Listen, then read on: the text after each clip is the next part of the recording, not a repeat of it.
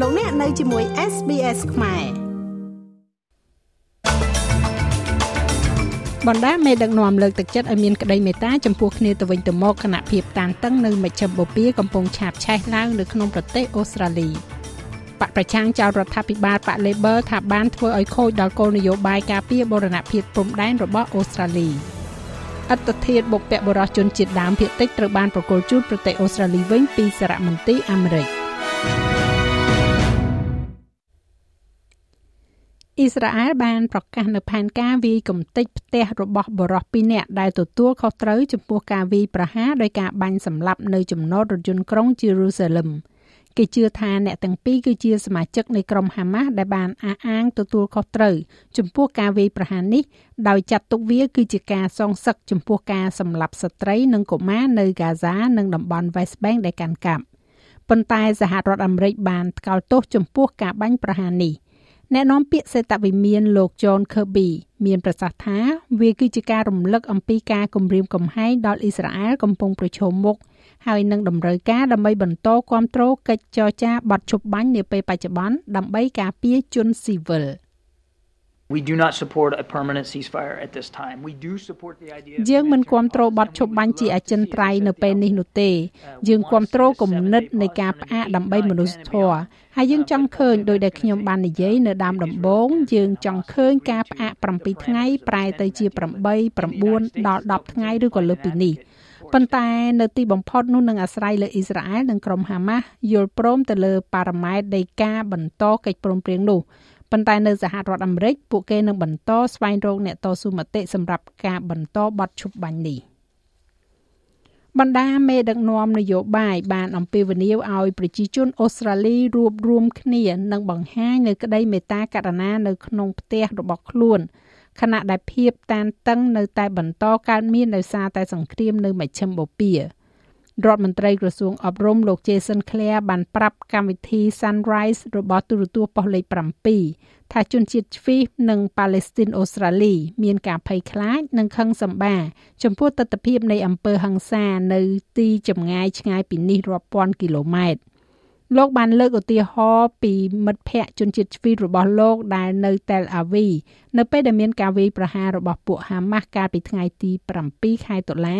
ដើម្បីអំពាវនាវឲ្យប្រជាជនបន្ថយកម្ដៅនៅពេលប្រឈមមុខនឹងអំពើហិង្សា When she got back to Australia the first thing she did was go and see her Muslim friends and wrap នៅពេលដែលគាត់ត្រឡប់មកអូស្ត្រាលីវិញរឿងដំបូងដែលគាត់ធ្វើនោះគឺទៅជួបមិត្តភ័ក្តិមូស្លីមរបស់គាត់ហើយអោបពួកគេយើងត្រូវការទង្វើបែបនេះបន្ថែមទៀតនៅក្នុងប្រទេសអូស្ត្រាលីនៅពេលនេះជាជាងការតវ៉ាដ៏អាក្រក់ទាំងនេះយើងអាចធ្វើបានកុំផ្លាស់ប្ដូរអ្វីដែលកំពុងតែកើតឡើងនៅម្ខាងទៀតនៃពិភពលោកប៉ុន្តែយើងត្រូវរក្សាប្រទេសនេះឲ្យនៅជាមួយគ្នានោះមានន័យថាយើងទាំងអស់គ្នាបន្ថយកម្ដៅចុះបន្តិច។ ទន្ទឹមនឹងនេះរដ្ឋមន្ត្រីក្រសួងកាងារលោក Tony Berg និយាយថាសម្លេងនៃការជជែកដេញដោលនិងកម្រិតនៃភាពច្របូកច្របល់នៅក្នុងសហគមន៍ជុំវិញចំនួនរវាងអ៊ីស្រាអែលនិងក្រុមហាម៉ាស់នេះมันអាចវិនិច្ឆ័យដោយសម្លេងដែលស្រែកឮខ្លាំងបំផុតនោះទេលោកនិយាយថាមនុស្សម្នាអាចនឹងបាត់បង់សុឆន្ទៈល្អៗនៅក្នុងសង្គមអូស្ត្រាលីប្រសិនបើពួកគេស្ដាប់ឮតែសម្លេងដែលស្រែកខ្លាំងបំផុតហើយស្វែងរកមតិដែលជេរប្រមាថនោះ។ មេដឹកនាំបកប្រឆាំងលោក Peter Dutton បានតបតទៅរដ្ឋាភិបាលវិញទៅលើបញ្ហាអន្តោប្រវេសន៍និងការការពារព្រំដែនដោយចោទប្រកាន់ពួកគេថាបានធ្វើឲ្យខូចដល់គោលនយោបាយរយៈពេលមួយទសវត្សរ៍របស់អូស្ត្រាលីនៅក្នុងការបង្វែរជនស្វែងសុំសិទ្ធិជ្រកកោននៅតាមព្រំដែនសមុទ្រអូស្ត្រាលីឲ្យចេញទៅវិញ។ មេដឹកនាំបកប្រឆាំងនិយាយថាពួកគេមិនបានបោះឆ្នោតគ្រប់គ្រងច្បាប់របស់រដ្ឋាភិបាល ស្ដីពីការឃុំខ្លួនជនអន្តោប្រវេសន៍នៅសប្តាហ៍នេះទេដោយសារតែពួកគេជឿថាវាមិនទាន់បានទៅឆ្ងាយគ្រប់គ្រាន់លោក Dutton បានប្រាប់ទូរទស្សន៍ប៉ុស្តិ៍លេខ9ថាការឆ្លើយតបរបស់បក Labor ចំពោះសេចក្តីសម្រេចរបស់តុលាការកំពូលនាពេលថ្មីៗនេះគឺជាការផ្ដល់សញ្ញាមួយដល់អ្នករត់ពន្ធមនុស្សថាពួកគេមិនមានការគ្រប់គ្រងលើប្រព័ន្ធនេះទេ។ This is a huge huge scandal uh, and the government's trying to throw these នេះគឺជារឿងអាស្រូវដ៏ធំសម្បើមមួយ ហើយរដ្ឋាភិបាលកំពុងតែព្យាយាមបាចសាចការចោទប្រកាន់និងរឿងមិនសមហេតុសមផលទាំងអស់នេះនៅទីនោះដើម្បីតែបិទបាំងនៅអ្វីដែលជាកំហុសដ៏មហន្តរាយដែលបង្កឡើងដោយរដ្ឋាភិបាលលោក Albanese Greenpeace Australia បានស្វាគមន៍កិច្ចព្រមព្រៀងដ៏សំខាន់មួយនៅក្នុងកិច្ចប្រជុំកំពូលស្តីពីអាកាសធាតុ COP28 ដើម្បីជួយដល់ប្រទេសដែលងាយរងគ្រោះថ្នាក់ដោយគ្រោះមហន្តរាយធម្មជាតិប្រទេសអារ៉ាប់រួម UAE និងអាល្លឺម៉ង់បានសន្យារួចជាស្រេចនៅទឹកប្រាក់ចំនួន100លានដុល្លារម្នាក់ផ្ដល់ដល់មូលនិធិសម្រាប់ការខាតបង់និងការខូចខាត ហើយប្រធានផ្នែកតស៊ូមតិរបស់ Greenpeace Dr. Suzy Bayer បានមានប្រសាសន៍ថាអូស្ត្រាលីគួរតែចូលរួមចំណែកយ៉ាងសំខាន់ផងដែរ The pledge from the UAE is a good first step ការសន្យាពី UAE គឺជាជំហានដំបូងដ៏ល្អមួយប៉ុន្តែឥឡូវនេះមូលនិធិបាត់បង់នឹងការខូចខាតចាំបាច់ត្រូវតែបំពេញអូស្ត្រាលីគឺជាអ្នកនាំចេញឥន្ធនៈ fossil ធំជាងគេទី3លើពិភពលោកហើយគឺជាអ្នករួមចំណែកដ៏សំខាន់នៅក្នុងការបំភាយឧស្ម័នសកលដូច្នេះហើយរដ្ឋាភិបាលលោក Albanese ពិតជាមានទំនួលខុសត្រូវក្នុងការបង្កើននិងរួមចំណែកយ៉ាងច្រើនដល់មូលនិធិការបាត់បង់និងការខូចខាតនេះ ប្រទេសចំនួន39ដែលបង្កើតជាសម្ព័ន្ធនៃប្រជាជាតិកោះតូចតូចបានចេញនូវសេចក្តីថ្លែងការណ៍មួយក្នុងកិច្ចប្រជុំ COP28 នេះជាមួយនឹងអារម្មណ៍ស្រដៀងគ្នា ដោយនិយាយថាពួកគេនឹងមិនសម្រាករហូតដល់មូលនិធិនេះទទួលបានហេរញ្ញប្បទានគ្រប់គ្រាន់ហើយចាប់ផ្ដើមកាត់បន្ថយបន្ទុករបស់សហគមន៍ងាយរងគ្រោះ។ ពួកគេនិយាយថាពួកគេកំពុងទទួលបន្ទុកកាន់តែធ្ងន់ធ្ងរនៅពេលដែលការទន្ទ្រានយករបស់មហាសមុទ្របានលេបត្របាក់ដីទំនាបខ្យល់ព្យុះដ៏ខ្លាំងក្លាបានបោកបក់បំផ្លាញសេដ្ឋកិច្ចរបស់ពួកគេយ៉ាងច្រើនហើយអ្នកផ្សេងទៀតត្រូវបង្ខំចិត្តផ្លាស់ទីទៅដីខ្ពស់រដ្ឋមន្ត្រីការបរទេសជប៉ុនបានជួបជាមួយនឹងឯកអគ្គរដ្ឋទូតសហរដ្ឋអាមេរិកប្រចាំប្រទេសលោក Ram Emanuel ខណៈដែលការស្វែងរកនៅតែបន្តសម្រាប់ឧទ្ធម្ភាគចក្រយោធាអាមេរិក Osprey និងនាវិកនៅក្នុងនោះបន្ទាប់ពីយន្តហោះនេះបានធ្លាក់ចូលទៅក្នុងសមុទ្រអំឡុងពេលសមយុទ្ធវឹកហាត់មួយលោក Yoko Kamikawa និយាយថាប្រទេសជប៉ុនបានផ្អាកការហោះហើរឧទ្ធម្ភាគចក្រ Osprey របស់ខ្លួនខណៈពេលដែលការស្វែងរកកំពុងបន្តហើយបានស្នើឲ្យសហរដ្ឋអាមេរិកធ្វើដូចគ្នា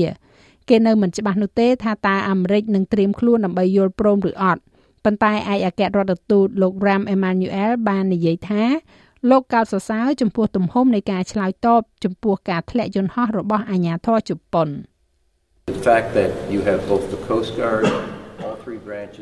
ការពិតដែលថាអ្នកមានទាំងឆ្មាំឆ្នេរសមុទ្រសាខាទាំង3នៃកងកម្លាំងស្វ័យការពារប៉ុន្តែក៏មានអ្នកនេសាទនៅក្នុងតំបន់ដែលកំពុងតែស្វែងរកទាហានអាមេរិកផងដែរ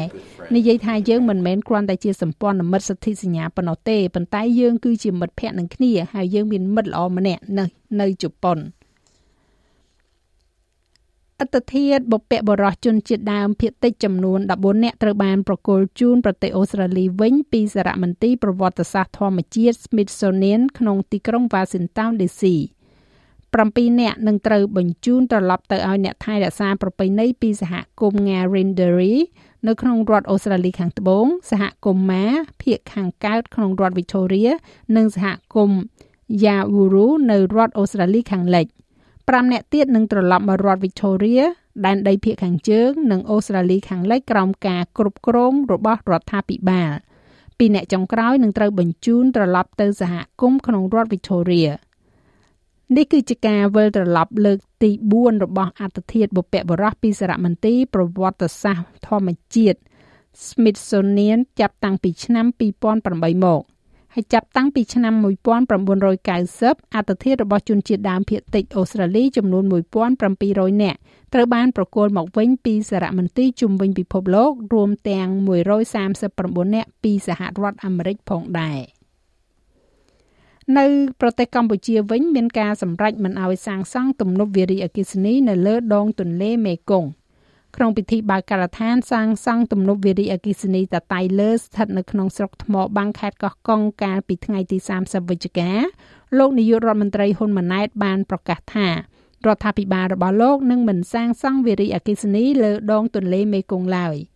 លោកបានបញ្ជាក់មូលហេតុថាគឺដើម្បីបញ្ជៀសផលប៉ះពាល់ដល់បរិស្ថាន និងប្រព័ន្ធអេកូឡូស៊ីតាមដងទន្លេមេគង្គមនុស្សក៏បានផល តែបរិស្ថានយើងក៏ត្រូវការពារនេះការទទួលខុសត្រូវការពារហើយជាពិសេសប្រជាពលរដ្ឋនៅក្នុងតំបន់ត្រូវគិតគូរពីវិជ្ជាភាពរស់នៅរបស់គាត់ប៉ះពាល់យ៉ាងម៉េចត្រូវធ្វើម៉េចឲ្យការអភិវឌ្ឍនេះដើម្បីជួយដល់គាត់ចាស់ឲ្យលោកមេងផល្លានឹងជួនសេចក្តីរាយការណ៍លម្អិតនៅវគ្គក្រោយជាបន្តទៀតឬក៏លោកលោកស្រីអ្នកនាងកញ្ញាអាចចូលស្ដាប់របាយការណ៍ពេញនៅលើគេហទំព័រ sbs.com.au/ ខ្មែរ នៅក្នុងកីឡាបាល់ទាត់ប្រធាន FIFA លោក Gianni Infantino បានអំពាវនាវដល់អ្នកផ្សាយទូរទស្សន៍ឲ្យវិនិយោគបន្ថែមទៀតក្នុងវិស័យបាល់ទាត់នារីក្នុងសន្ទរកថាទៅកាន់សហភាពផ្សព្វផ្សាយអឺរ៉ុប EBU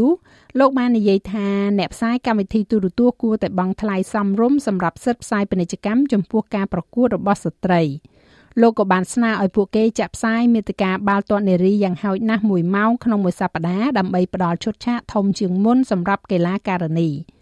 ការអត្ថាធិប្បាយនេះធ្វើឡើងក្រោយពីមានដំណើរការចរចាដ៏លំបាកមួយសម្រាប់ការប្រកួតបាល់ទាត់ពិភពលោកនារីនៅឆ្នាំនេះនៅឯប្រទេសអូស្ត្រាលីនិងនូវែលសេឡង់ដោយ FIFA និង EBU ទៅតែឈានដល់កិច្ចព្រមព្រៀងស្ដីអំពីសិទ្ធិផ្សាយសម្រាប់ការប្រកួតនេះប្រហែលជាមួយខែប៉ុណ្ណោះនៅមុនការប្រកួតចាប់ផ្ដើមហើយកិច្ចពិភាក្សាដ៏តឹងតែងគឺមានជាហោហែជាច្រើនខែ។ ចំណែកឯអត្រាប្តូរប្រាក់វិញ1ដុល្លារអូស្ត្រាលីមានតម្លៃប្រមាណជា66សេនដុល្លារអាមេរិកត្រូវនឹង2720រៀលប្រាក់រៀលខ្មែរ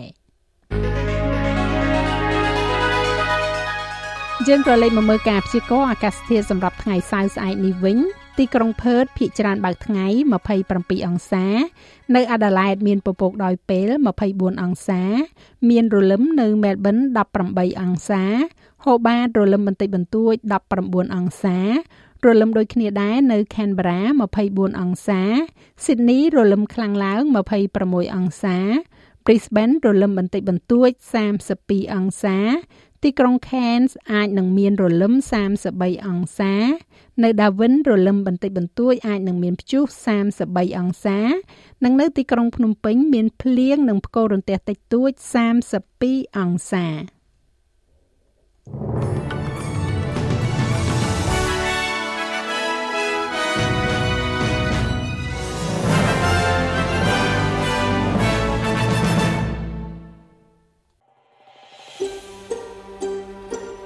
ចង់ស្ដាប់រឿងរ៉ាវបែបនេះបន្ថែមទៀតទេ ស្ដាប់នៅលើ Apple Podcast Google Podcast Spotify ឬកម្មវិធីដទៃទៀតដែលលោកអ្នកមាន។